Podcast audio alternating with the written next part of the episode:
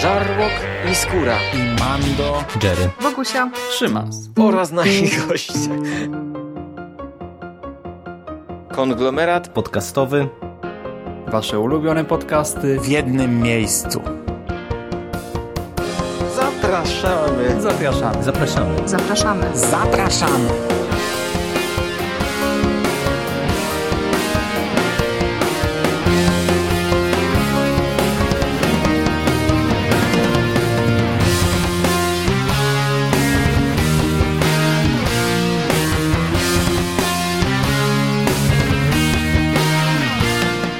Słuchacie konglomeratu podcastowego, platformy, która zbiera wszystkie zimowe podcasty w jednym miejscu. Ja nazywam się Rafał Siciński i dzisiaj będę opowiadać o grze zimowej, o Never Alone.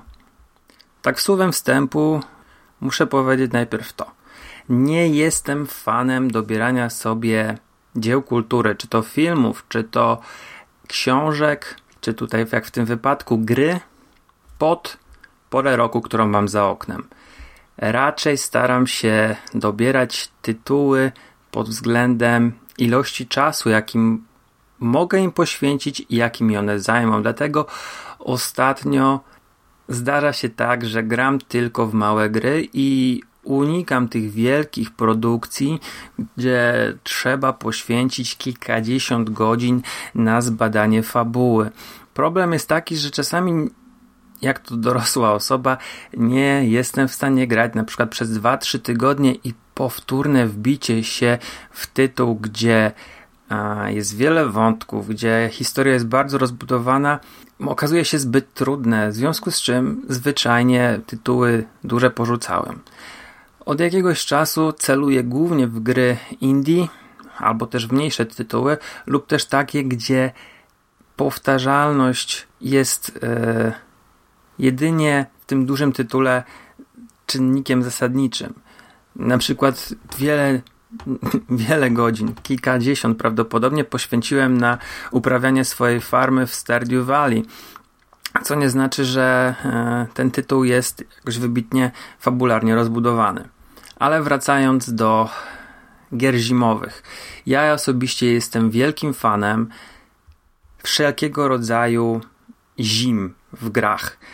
Po pierwsze, yy, zimowe plansze i zima wprowadza pewne mechaniki, które od zawsze, od kiedy właściwie zacząłem grać, wydawały mi się bardzo ciekawe i na przestrzeni lat zauważyłem, że wszystkie pozycje, które zawierają właśnie jakieś zimowe etapy, stoją z miejsca wyżej niż inne produkcje. I na przykład tak uwielbiam grę Uncharted 2 i stawiam ją ponad wszystkie części wyżej, właśnie dlatego, że część gry dzieje się mm, w takim zimowym klimacie. Powiem szczerze, ciężko mi też było sobie jakoś przypomnieć gry typowo zimowe, bo zazwyczaj w grach jest tak, że po etapach takich typowo zimowych trafiamy pod wodę do ukochanych przez wszystkich etapów wodnych lub też na pustynię. Ale e, za oknem szalała Fryderyka przez dwa dni, orkan Fryderyka, a ja miałem kilka tytułów, które już od kilkunastu miesięcy zalegały na dysku i prosiły się albo o usunięcie, albo odpalenie. I tak właśnie trafiło na Never Alone. Jest to gra platformowa z elementami zagadek środowiskowych. Sterujemy w tej grze dziewczynką Nuną z plemienia Inuitów lub też arktycznym lisem. I co warto zaznaczyć, gra jest właściwie całkowicie pozbawiona elementów walki.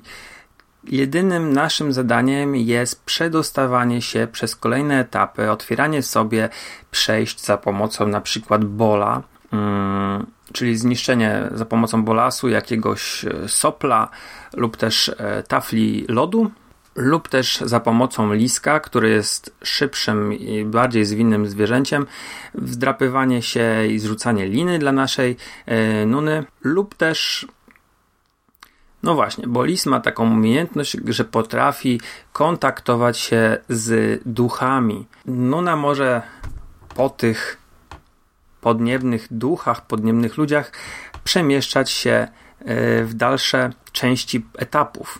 Pomysł mi się spodobał, szczególnie, że gra była na 3 godziny, więc dla mnie to były dwa wieczory. Tak zachęcony tymi kilkoma słowami opisu i trailerem włączyłem ją i jestem bardzo zadowolony, bo rzeczywiście jest to gra na dosłownie kilka godzin. Jeżeli ktoś sprawnie potrafi obsługiwać pad, skakać i zmieniać e, e, dość sprawnie styl gry, czyli jeżeli mamy jakiś etap wymagający szybkiej zmiany z lisa na, na dziewczynkę e, i sobie z tym poradzi, to rzeczywiście gra nie sprawi mu właściwie żadnych problemów. Są momenty cięższe, ale właśnie one wynikają jedynie z pewnego rodzaju niedopracowania sterowania. Na przykład właśnie przy rzucaniu bola.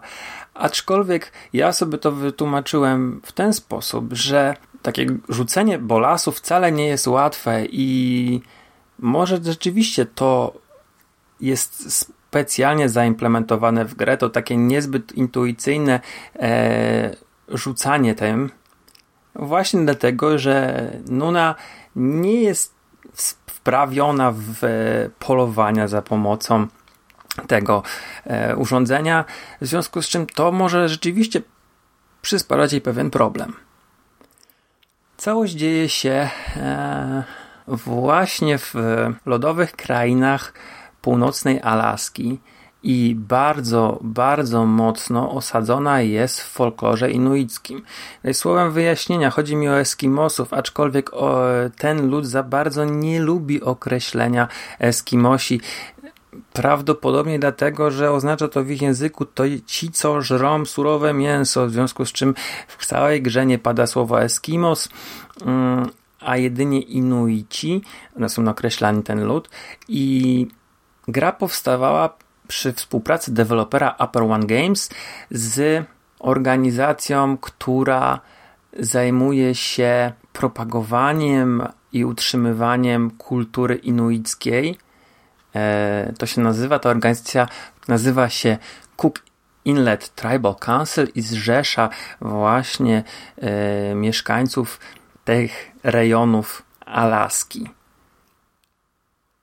Tak jak wspomniałem, jest tutaj bardzo dużo elementów folkloru, wierzeń. Całość fabuły jest oparta na historii, która mm, jest tradycyjną, jakąś tam opowiadaną od pokoleń historią. Ona się nazywa, i tutaj uwaga, bo mogę się pomylić, Kunu Ksiajuka i została mm, w jakiś tam sposób spisana w e, historiach właśnie tych ludów. Ta książka nazywa się Stories of the Black Rival People i całość została napisana przez właśnie inuickiego pisarza, a właściwie ciężko tutaj mówić, że to jest pisarz, ale e, bo nie, nie do końca to sprawdziłem, ale człowiek nazywa się Ishmael Hopi i ma to swoje inuickie imię Angaluk. Co jeszcze ciekawe, jest to gra z tego rodzaju, z tej grupy, która łączy e, rozrywkę z,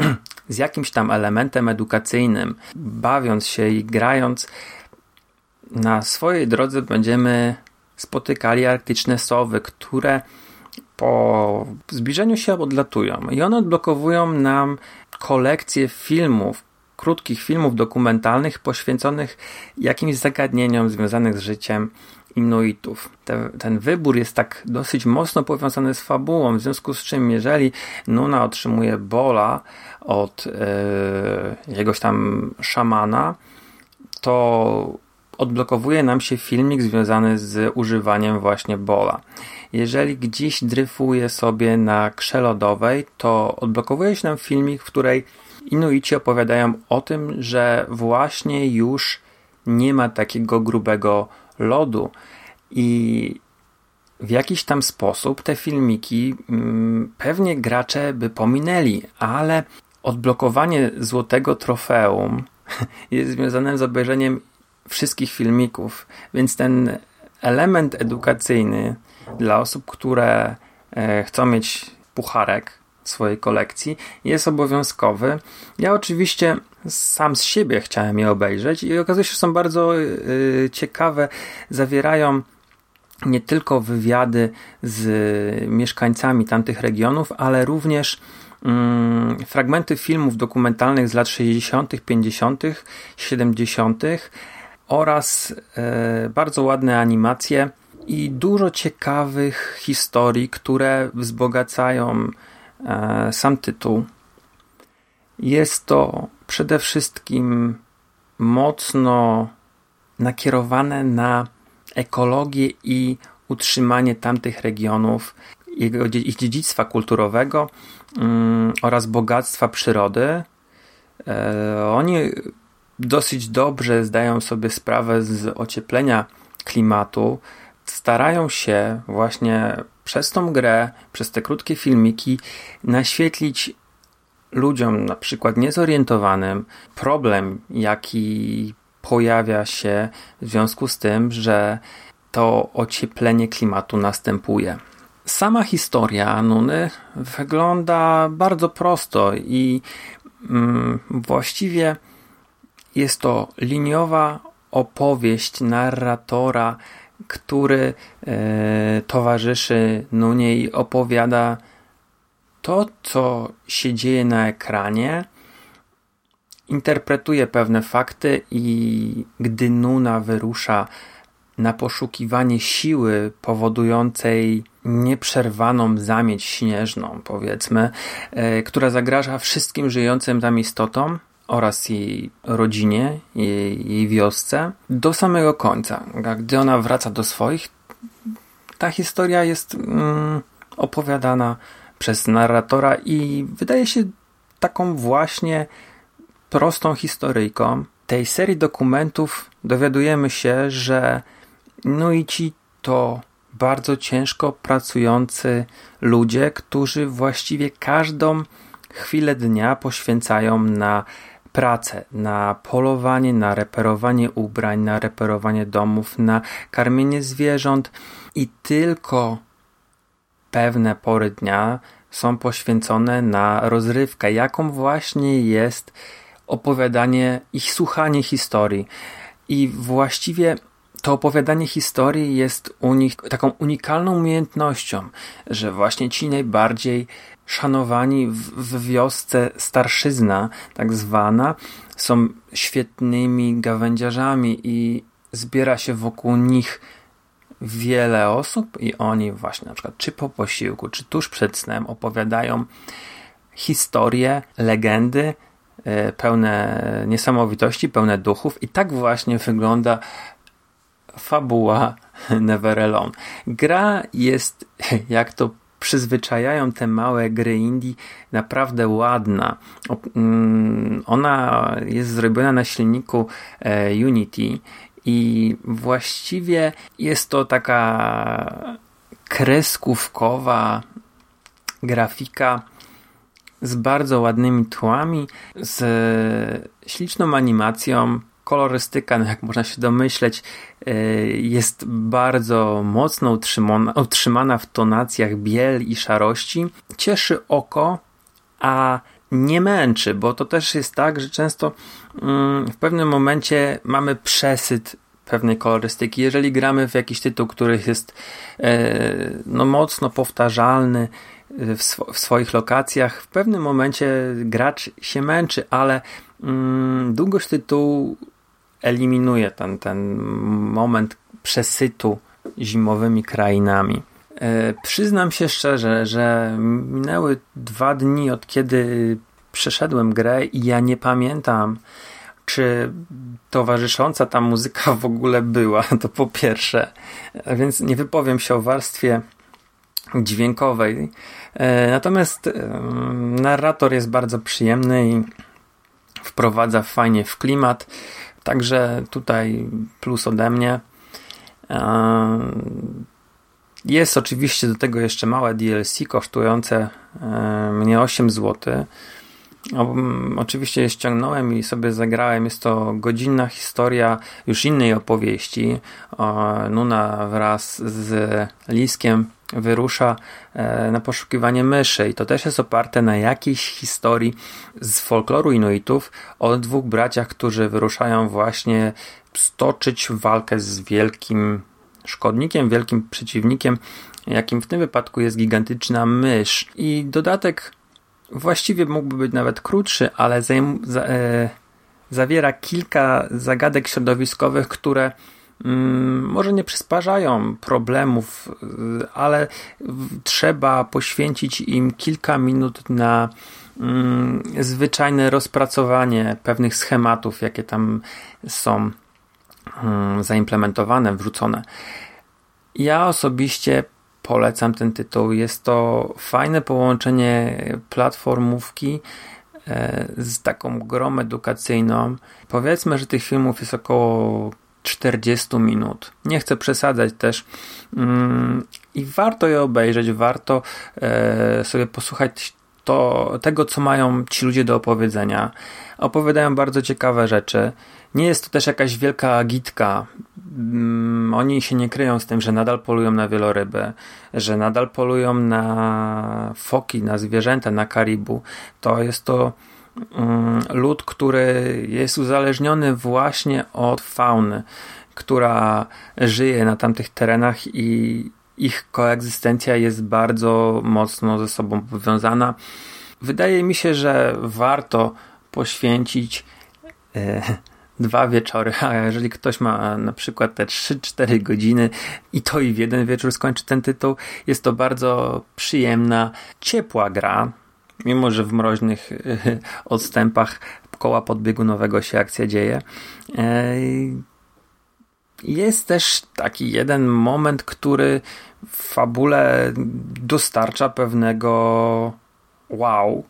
Jegoś, może to nie, nie jest nic w stylu olśnienia, ale jest taki jeden moment szokujący, który mnie, starego 33-letniego gracza, zaskoczył i na pewno zapamiętam ten, ten, ten element na, na długie lata, bo to było dosyć mocno zaskakujące. Także kończąc pierwszy e, podcast cyklu Gry Zimowe, e, zachęcam do tego tytułu i do usłyszenia następnym razem. Mam już przygotowaną bardzo krótką listę z tytułami właśnie typowo zimowymi, które dzieją się tylko zimą i żegnam się z wami. Trzymajcie się, cześć.